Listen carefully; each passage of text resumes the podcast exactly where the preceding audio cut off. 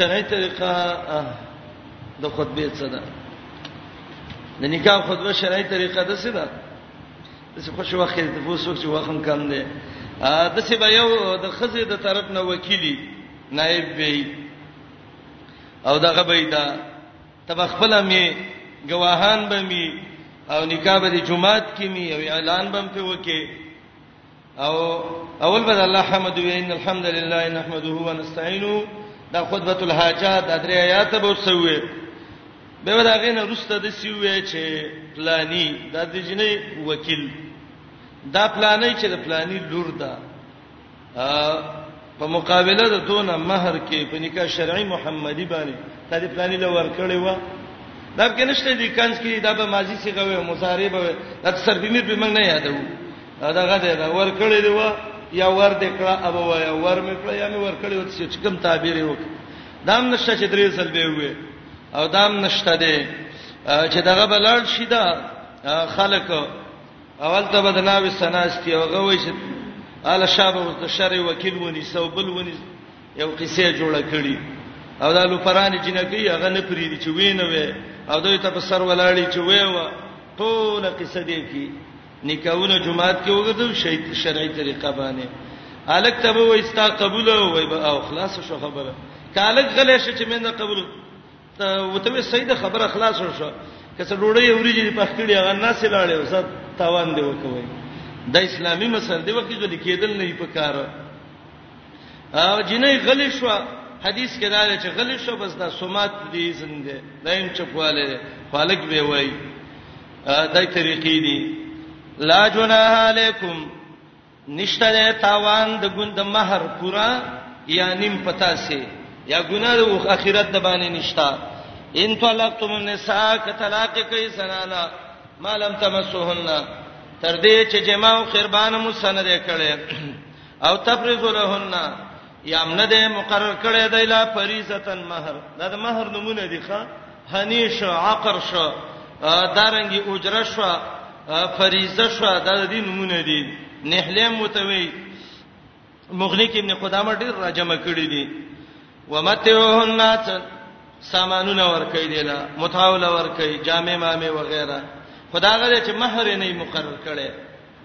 نکاح یې وتړله، ښځه خاوند نه دی لیدلی، خاوند ښځه نه دی لیدلی، مهر یې مقرر کړی، په نصف ما فرضتم بیا به نیم مهر ورکوي اوله کړه دې خوشاله یو که خپه یي، یو بل یې لیدلي ملاقات شوی دی بیا به ټول مهر وله ورکوي.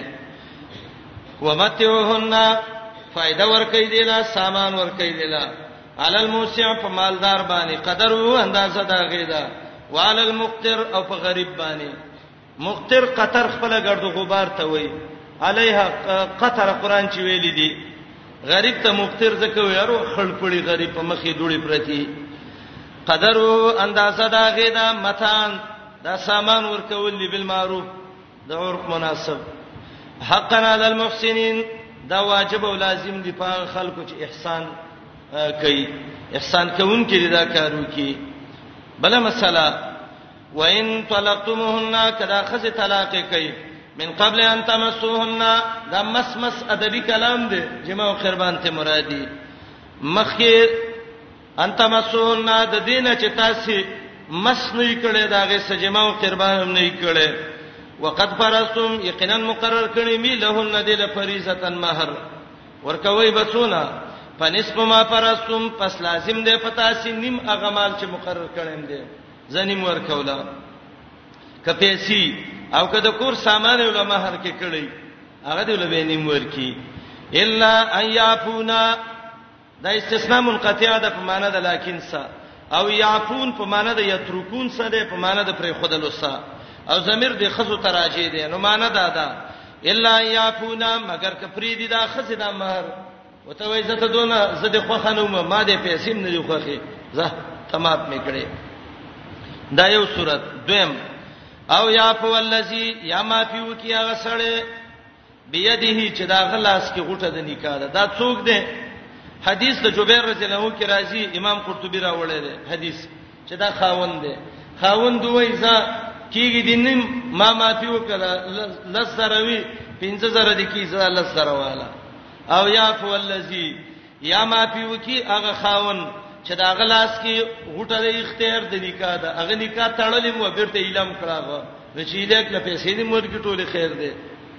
او دویم قول امام ابو حنیفه او امام شافعی رحمت الله علیه وایي چې او یعفو الذی بيدیه عقده النکاح دا ولید خزیت مراد ده نو اول تفسیر صدا که خزه معافی وکي ټول مال فریدي یا خاون معافی وکي نو د دواړه طرف ته چا چې احسان وکړ الله به اجر ورکړي او په دې دویم تفسیر ایا کون چې خزه معافي وکي او یا په ولذي یا غسړې معافي وکي چې دا غلاس کې غټه د نکاح دا چې هغه ولی د دې خزه ده د خزه ورور ده پلار ده هغه یې ځپلانه ورکه غټولو ته پرېدا الله ترغیب ورکه یا کوتا وان تاکو کما فی وکي تاسو اقرب للتقوا دا ډیر نږدې ده حاصلولو د تقوا د الله به تقوا او پرهیزګاری د بکرا ولی خزه او خاون یو بل ستلاق معاملې رااله د سینه چې د خزي قومین او د سړی قومین دښمنی شروع کی نه ولا تنسوا الفضل ميروي هغه خپل ولي او اسلامي ورور ولي بینکم پمن ستاسو کې ان الله بما تعملون بصير یقینا الله استاذ په عمل لیدون کې قلی صاحب زر پس پس مې روي الفضل فضل خپل معنی احسان او زیتی دلته د اسلامي ورورولي مراد ده مې روي او اسلامي ورورولي په مین ستاسو کې زه طلاق هم اسلامي حکم مدام پکې رال یقینا الله ستاسو په عمل له بصیر لیدون کې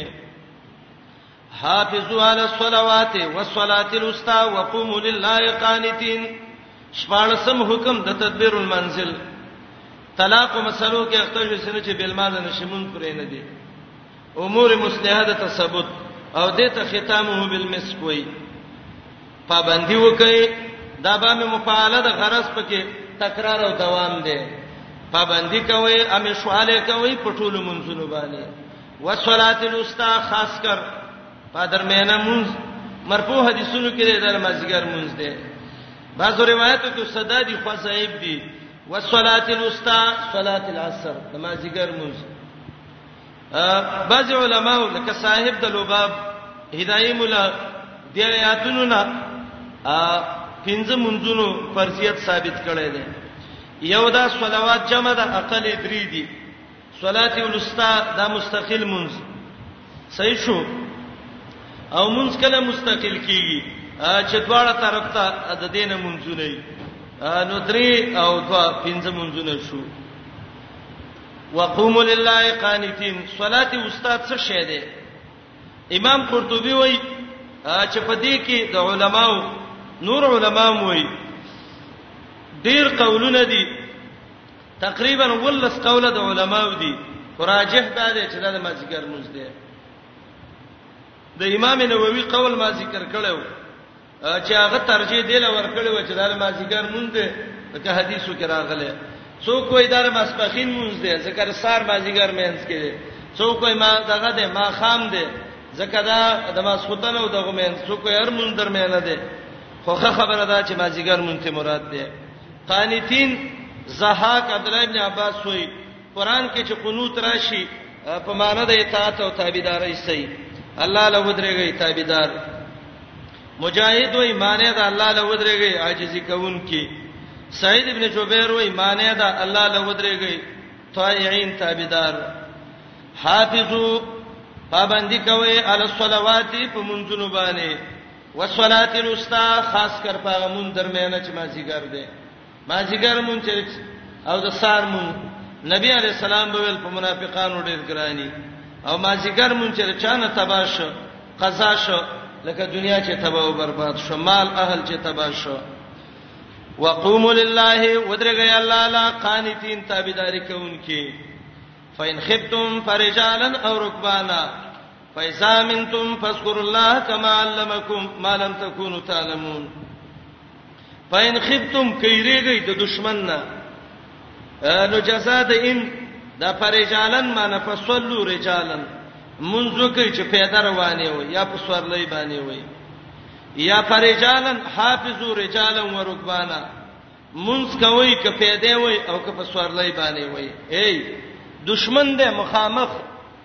هیڅ طریقه نه کیږي نو د دې صلات خوف ډېرې غني طریقې دي احادیثو کې ان شاء الله قران کې روسته براشي زبداغي ټولې طریقې ته استویم دا طریقه راجحه ده دا طریقه مرجوحه ده طریقې څه ده هغه طریقې چې قران ذکر کړې دي وایذا كنت فیهم سا غالبا سورته نساء ده اچي نو ته مونږ کوا صورت دا ده جنگ شروع شړې سخت جنگ دی یا دشمن نه یې را ده پیدا رواني یا په سورلې نیت وکا زمزل کوو مونږ کې دا طریقه ده او چې مونږ دی وکاو نو یو کار کوا چې رکوع سجدي ته تلې په سر د سی اشاره کاوه قیدې نه خلاص دار څه نه خلاص امام قرطبي وایي مقصد د آیات دا ده چې اهتمام بالصلات وکړه یو حال کې به هم نه پرې دي سورته نساء یو سل دویم کې به د وضاحت راشي او دې کې د علماو درې قول دي چې صلات خوف څو رکعات ده او په څه طریقه وي ان شاء الله که جون موافقه وکړه تل زویم پاین خفتم کړي گئی د دشمن نه پریشالن نو مونږ کوي په داسې حال کې چې پیدا وي او رکبانن یا په سوارلو سواري وي اشاره بکې پر کو سیدا کې فیزا منتم کله چې امن کې شوي د مونږ کې امن راغی یا امن ختم شو به فذكر الله الله یادوي کما علمکم لکه نبی علیہ السلام په واسطه چې تعالی خودنه کړی دا قران نه معلومیږي د مونږ طریقه شته د حدیثو کې فذكر الله نه مراد علما وای مونږ دې او کما علمکم علمکم النبي سلام چې هغه ویل صلو کما رایتمونی وصلی د سیمونز کوي د کما ته چې ګورې زې څنګه مونږ کوم خو دلې دې تا مالم تکونو تعلمون هغه چې تاسو ته پته نه و والذین یتوفون منکم ویسرون ازواجن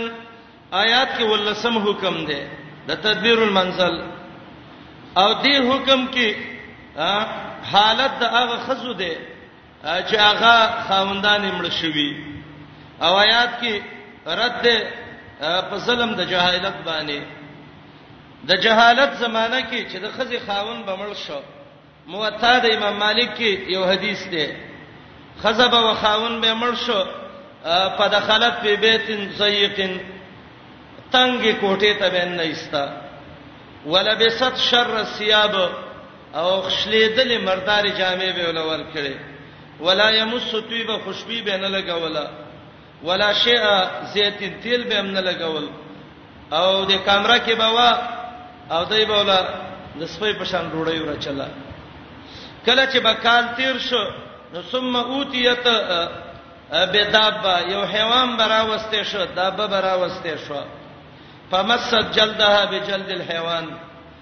دی به خپل څرمن دا غیر څرمن څه اصول ولا حدیث کې غني معنی ظاهري معنی دا ده وخرجت په صورت سیئه یو بدل شکل کې ځکه کال ته مخ وی مين د شي ته جوړيږي او جامع بدلې مکه پدې کې براوته ثم اوتیت لهن بعرا به به د وخي یو پچاو لور کړه او دا وخه به حیوان به شاته ودرو او دې ته به ویل دې ته شاک او بل په لمخ کا او د سی وروله چې ورو وېشت هغه به په ولګېدل وته ویل عدت دې پوره شو زه اوس د پلار کور ته لاړ شم ته به ولام به جامې به بدلې کې پاکه بش د کال خیرنه به ولېګل او وګه تګي په دغه طریقه باندې او بازي ظالمانو کې دا عادت مو چې دا پچا به وخ په لويشت او خطابه شو وای به یو کال دی به عیدت ما شبې کور ته نه وځل سي ظلمونو انصاف نو ظلم شروع رسول الله علیه السلام ویل ما ته خځې ډېری ګرانی شوې دي او ما شومان بعض جاهلان حدیث مقصد باندې نه پویدل څنور فکرونه کول هغه مقصد دا چې د خزو د ماشومانو صفه عربو کې ډېر ظلم شوی و الله سره ولې غلم او د دې هغه ظلمونه الله زما په واسطه ختم کړو دا الله شکر دې خزه ادا کی چې الله د داسې ظلمونو نه خلاصي کړي ژوندۍ به خخولې دا ظلمونه دا یو سیدتونه د څه به خرڅولې په بازارونو کې لکه ګډې بيزې چې څوک خرڅي اسلام کې ډېر عزت دی والذین یتوفون منکم آیات کې دوه تفسیر کوم یو تفسیر دا دی کم سړی چې الله وې ملکیږي نو دا وصیت به وکي د خزو ته به وای ورثو ته به وای څه به ته وای زمړ کېګما او ورزما نرستا د یو کال پورې زما خزه به زما د مال نه خوراک چې څنګه خوخه یې خپل ژوند به تیری نه به د چا د استلو کاری ان په فسلمی د ظلمونو عیدتونه تیری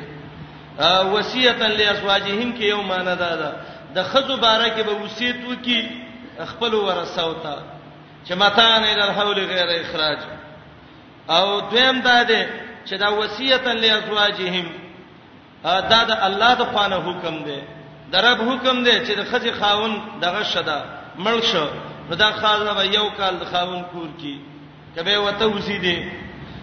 د کې به د علماو دوه قول دي یو قول دا چې دا آیات منسوخ دي په هغه آیات باندې چې یو سل 50 کې تیر شو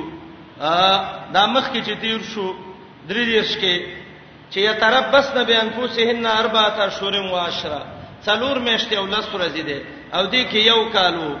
امام بخاری کتاب تفسیر کې حدیث د عبد الله ابن زبیر راوړی دی او دا غینه معلومیږي چې دا څلور میاشتې او لس ورځې دا حکم منسوخ شوه د یو کال دغه دغه واسطه باندې اول کې عیدت یو کالو دا آیات چې نازل شو اگر که دغه آیات مخ کې د قران کې خو دغه حکم رستو نازل شوه د څلور میاشتو لس ورځو او دا د یو کال مخ کې دی نو به د آیات منسوخ دی او دویم قولم امام بخاری راوړی د مجاهد نه چې دا منسوخ نه دی او دام نه دی چې نبی علیہ السلام وایي چې وارث له به وصیت نه وي خزه خو وارث ده هغه وایي دا بنا ده په استحباب او استحسان باندې عدت چې ده نو د خزه څلور میشته او لس ورځې ده خو کدا و میشته او شل ورځې سه استحبابا استحسانا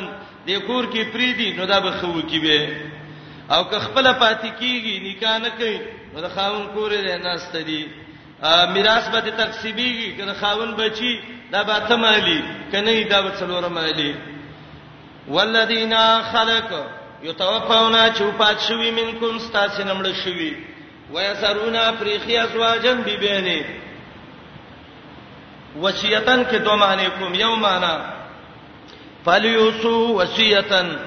وصیت دی وکي دا سړی په وصیت کولو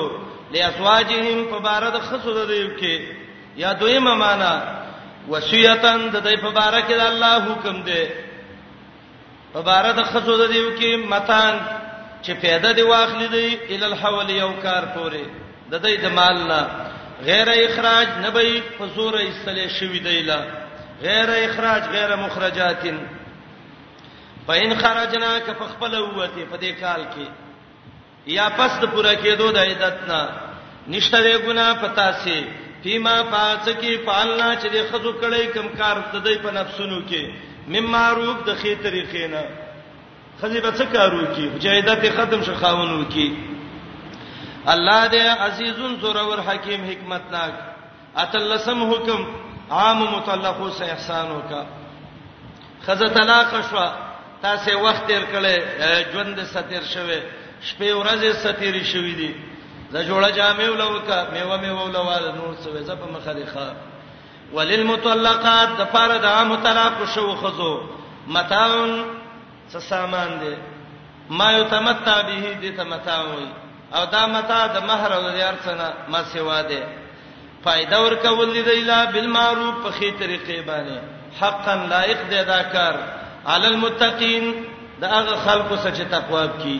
بعض علما وایي دا حکم منسوخ دی خو نه اکثر اهل علم وایي چې دا بنا ده په استحباب باندې نسخ کې نشتا ختمه بالمسک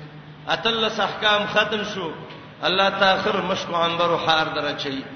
کذالک دقشان